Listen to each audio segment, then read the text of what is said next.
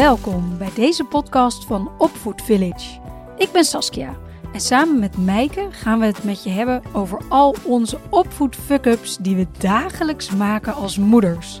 Om er vervolgens naar te kijken met onze brillen van opvoeddeskundige en kinder- en jeugdgezondheidszorgpsycholoog. Zo leer jij van onze fouten en van onze kennis. Wij geloven erin dat je opvoeden samen doet. It takes a village to raise a child. In dat dorp zijn we graag jouw dorpsgenoten. Een nieuwe week, een nieuwe podcast. Yes, ik heb er zin in. Ja, ik ook, want we hebben een vraag gekregen Een vraag. van de luisteraar. Ja, Marijke stuurt ons eh, in de zomervakantie stuurt een leuke mail. Ze begint al heel leuk. Wat een heerlijke en nuttige podcast. Yay. Dankjewel Marijke, wat lief. Eh, en dan vraagt ze, ik heb drie zonen van 14, 12 en 10. Schatten van boys. Maar de uitdaging is dat de jongste, dus dat is die van 10, Ja? niet tegen kritiek kan. Eh, wat of hoe je het ook zegt, schrijft ze. Het is nooit zijn schuld. Zelfreflectie kent hij niet. Mm. Het is zo heel moeilijk om hem te corrigeren en soms is dat wel echt nodig. Ehm, hmm, hmm. kunnen jullie mij helpen? Dus eigenlijk gaat het dus over zelfkritiek. Of eh, dat ze niet tegen, precies, zelfreflectie, sorry, en niet tegen kritiek kunnen. En eigenlijk zegt ze ook van, het, hij heeft het nooit gedaan. Hè? Dat, hij is degene die het nooit gedaan heeft. Ehm, Ja, ja, dat is wel is een goede vraag. Want dit is eigenlijk iets waar ik met mijn kinderen ook regelmatig tegen aanloop. Ik, Mhm. nou ja, zoals iedereen weet, ondertussen heb ik er vier. En ze hebben het allemaal nooit gedaan.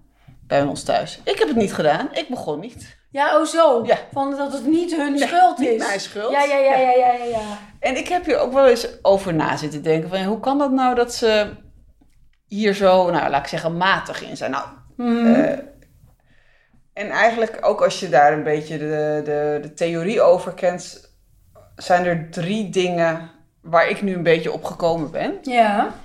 Ehm, en eentje kwam ik op omdat een van mijn kinderen dat heel erg had. En dat is eh, schaamte. Ja. E- een van mijn kinderen die vindt het heel erg als, als er wat fout is gegaan of Ja, iets ja, is niet ja, gelukt. Ja. en dan is de schaamte zo hoog dat hij er eigenlijk niet over kan en Nee. over niet wil praten. Dus dan moet het weggemaakt worden. Heel herkenbaar. Dat zie ik bij mij, een van mijn kinderen ook. Ja. Ja. En ehm, als er sprake is bij, van schaamte, dan is er juist heel veel zelfreflectie. Maar, want ze begrijpen, ik heb iets verkeerd gedaan. Dat is Mhm. vervelend geweest voor die ander. Ja. En ik ben daar de oorzaak van. Nou, wat gebeurt er? Rode wangen, schaamte, Ja, ik heb het fout gedaan. Eigenlijk is er dan heel veel reflectie. Mhm. Maar vanuit schaamte kunnen ze dan bijvoorbeeld wel handelen van eh, boos worden of gaan Ja. gillen of je gaat wegduwen. Weglopen. Of, ja. Of, hè, en dan lijkt het alsof zo'n kind de situatie niet begrijpt. Mhm. Terwijl ze dat dus eigenlijk juist heel goed doen. Juist. En daar zo'n naar gevoel van krijgen, zoveel schaamte over hebben. En schaamte, en dat is niet alleen voor kinderen, maar ook voor volwassenen, is een van de moeilijkste eh, Emoties. emoties om te verdragen bij jezelf. Ja. Want bij schaamte impliceert dat er altijd dat jij iets fout hebt gedaan. Ja. Behalve Ja. bij plaatsvervangende schaamte. Dat is. heb ik, heb, ik ook best wel last van gehad. Steeds minder, maar. eh, maar, maar ja, dat, dus dat kan een van de oorzaken zijn. Dus als Ja. je kind elke keer zegt: Ik heb het niet gedaan, of heel heftig reageert. Nou, Mhm. een oorzaak zou kunnen zijn, want we kennen deze leuke jongens natuurlijk helemaal nee, niet. Nee, nee, nee. eh, kan zijn dat de schaamte zo hoog is dat het, dat het er gewoon niet over gesproken kan worden. Ja. Maar dat er dus eigenlijk intern een, juist een heel groot proces van zelfreflectie gaande is. Juist, ja. Ja, dus intern gebeurt het wel, maar extern lijkt het niet het geval te zijn. Precies, precies. Ja.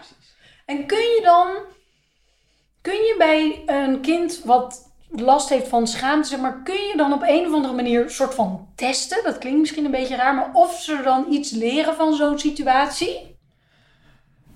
Hmm, schaamte vind ik ook altijd heel moeilijk om over te praten met kinderen, want ze willen daar niet over Nee, praten. dat is, dat is lastig. Maar het is wel de moeite waard om later op een rustig moment, Ja, dus de emoties van toneel af zijn. precies, eh, om het er nog eens over te hebben. Van, Ja. dan zou je bijvoorbeeld kunnen zeggen, nou, er gebeurde, je sloeg je zusje, Ja, eh, mama werd boos.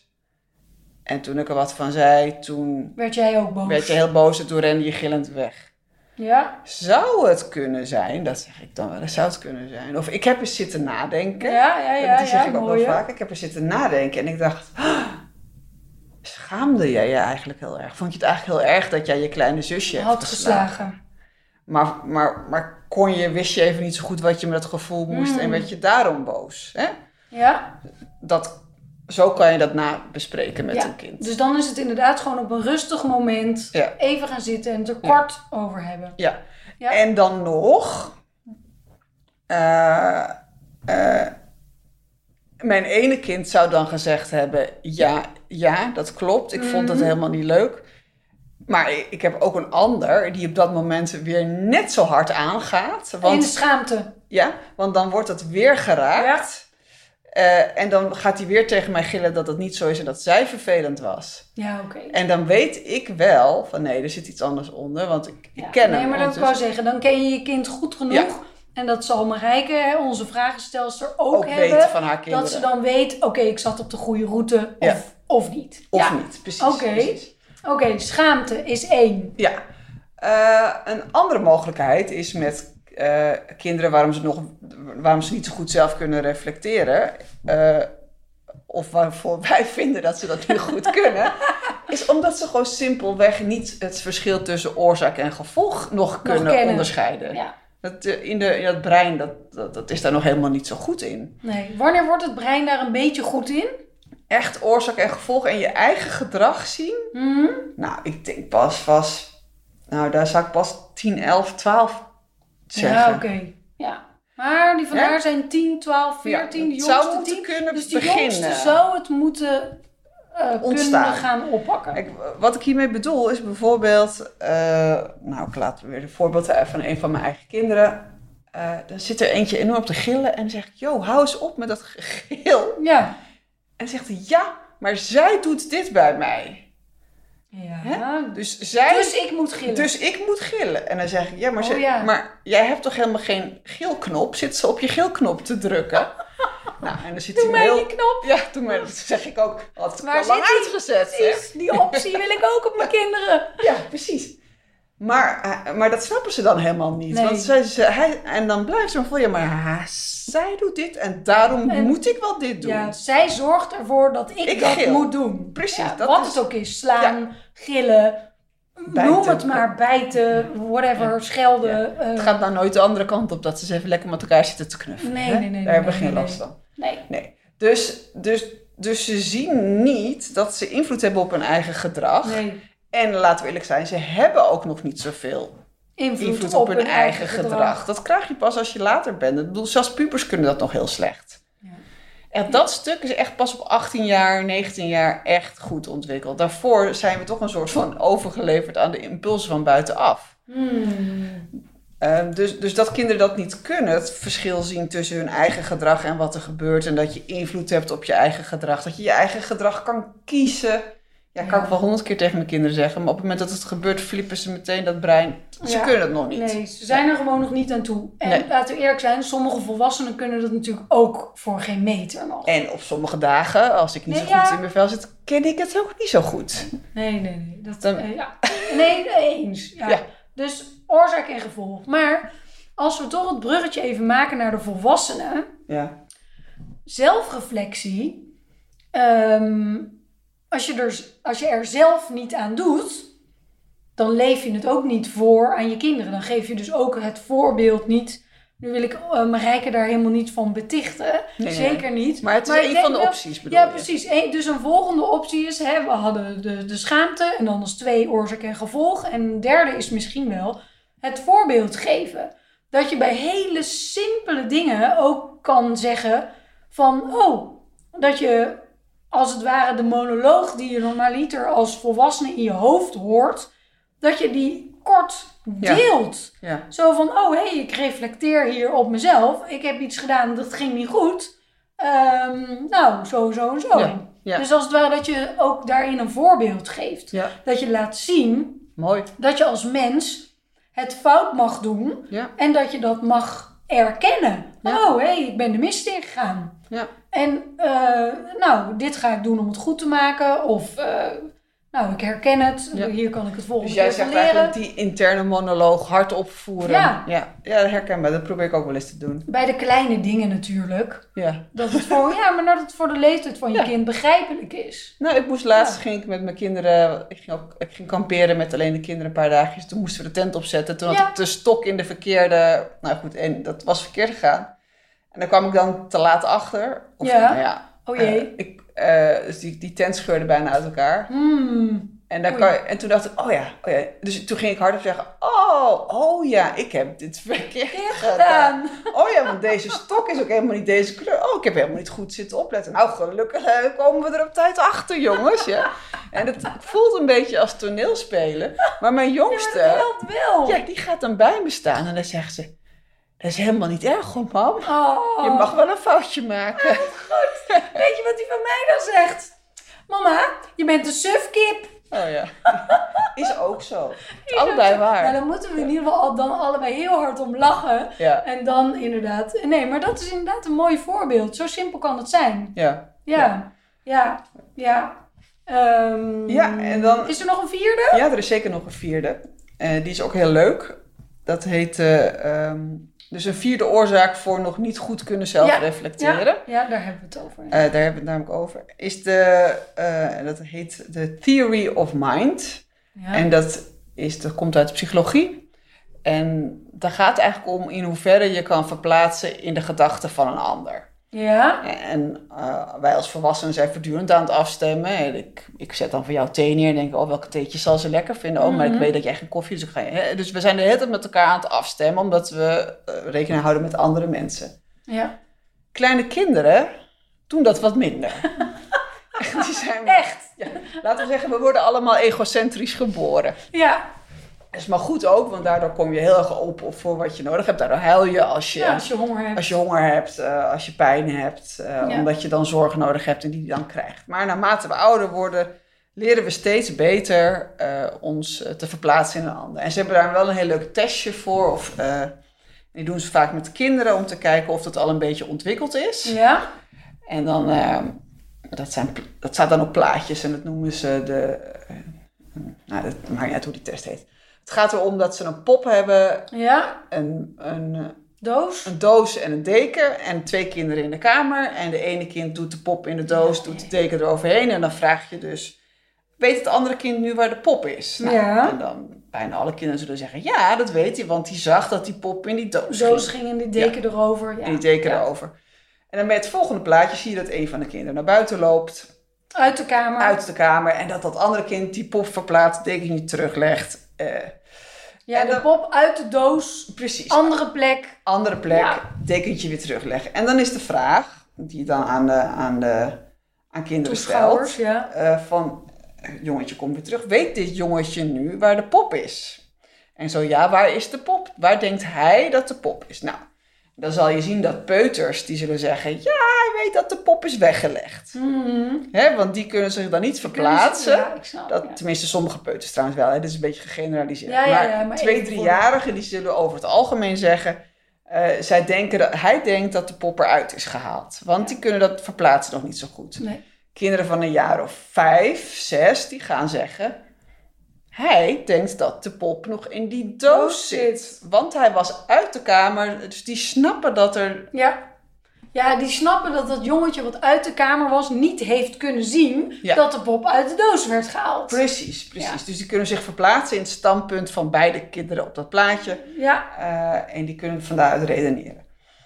En die theory of mind eh, is bij kinderen.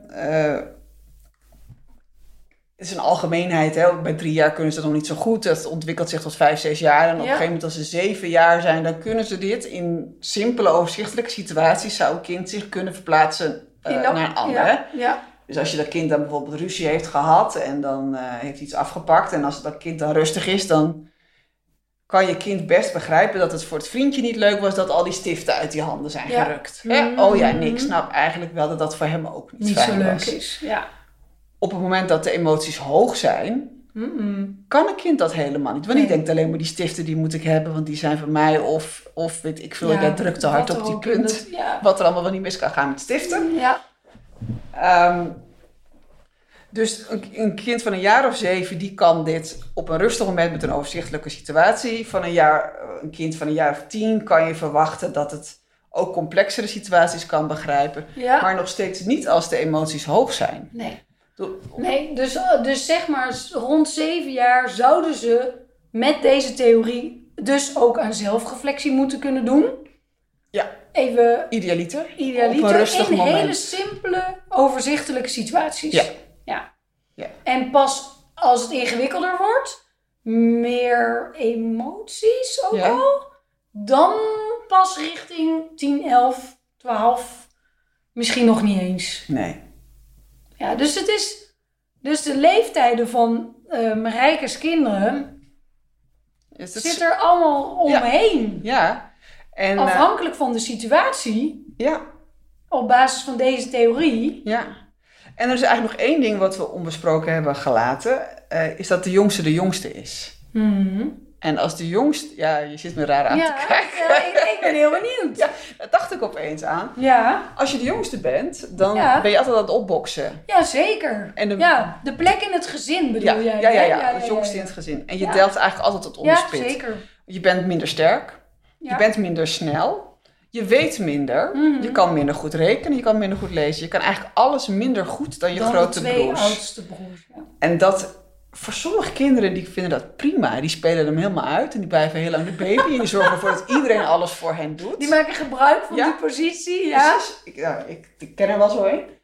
Ehm, maar er zijn ook kinderen voor wie dat uiterst pijnlijk is. Als kinderen een beetje competitief zijn ja, ingesteld, dan verliezen ze continu. dan verliezen ze de hele tijd. En dat is natuurlijk super pijnlijk. Ja. En om dan ook nog eens een keer toe te geven dat jij fout zit, ja, dat Dat kan er niet bij. kan er gewoon niet bij. Dus daar Nee, moet je tegen vechten. Dat was eigenlijk ook nog een van de. Ja, dat is een mooie. Ja. Ja, Dus, dus vijf. We Ja. komen dan tot een top vijf. wauw. Voor Had ik niet van tevoren bedacht. Waardoor, je, waardoor de kinderen, en nou, ja, geldt voor sommige volwassenen dus ook, minder goed aan zelfreflectie kan doen. Ja. Moeten ze nog een keer opnoemen? Ja, dus er kan een hele hoge mate van schaamte zijn. Ja, schaamte, eh, oorzaak en gevolg. Ja, voorbeeld. eh, het is belangrijk dat je als ouder ook regelmatig het voorbeeld Ja, hebt gegeven, zodat ze dat geven. leren van je. Ja, Eh, die theory, Theory of, of mind. mind. Kunnen ze dat al voldoende? Dus Ja. wat kan je van een 3, 5, 7, 10-jarige verwachten? verwachten, ja. En eh, de, en plek, de plek in in het gezin. Ja. En Marijke vroeg ook, wat kan ik doen? Nou ja, ik wou zeggen, Ja. kijk eens even of hier, of een van deze vijf dingen Aan de hand kan zijn. ja, aan de hand kan zijn. Zoek ze eens Ja. uit en nou, bespreek het op een rustig moment met hem. Ja. Ja, Niet als de nee, anderen precies. erbij zijn. Niet als er anderen bij zijn, niet als er emoties in het spel zijn. Gewoon een keer op een rustig moment. Ja, Korte gesprekken, hè. de jongste is tien. Dat is ook niet een enorme spanning. Langer dan vijf minuten moet je het ook Nee, niet... eh, dat is al de max hoor, kort. tien jaar. Kort, simpel voorbeeld. En maak het concreet. Ja. In de auto vaak. Dat Ja, hoeven ze je niet aan te kijken. In de auto, op de fiets, helemaal bij jongens. Het Ja. is heel fijn. eh, dan hoef Of als je aan het wandelen bent, maar iets Ja. naast elkaar. Ja. Ja, dat, eh, ja, dat werkt goed. Ja, dat kan ze zeker eh, nou, proberen. Ja. Oké. Leuk. Leuk Yes. onderwerp. Marijke, reuze veel dank voor je leuke vraag. Ja, heel leuk. Alle luisteraars, bedankt ook weer voor het luisteren naar deze podcast van ons, van Opvoed Village. Volg ons op je favoriete podcastkanaal. En mocht je in de tussentijd meer willen leren, kijk dan eens even bij ons aanbod van de programma's welke wij gemaakt hebben. Dat is Liefdevol Ouderschap en Nu is het genoeg. Op onze website kan je alles daarover vinden: www.opvoedvillage.nl. Dankjewel voor het luisteren. En ja, mocht je ook een keer een vraag hebben, stuur hem op. Want zo zie je maar, hij kan zomaar beantwoord worden door ons. Dank voor het luisteren en tot de volgende. Tot de volgende.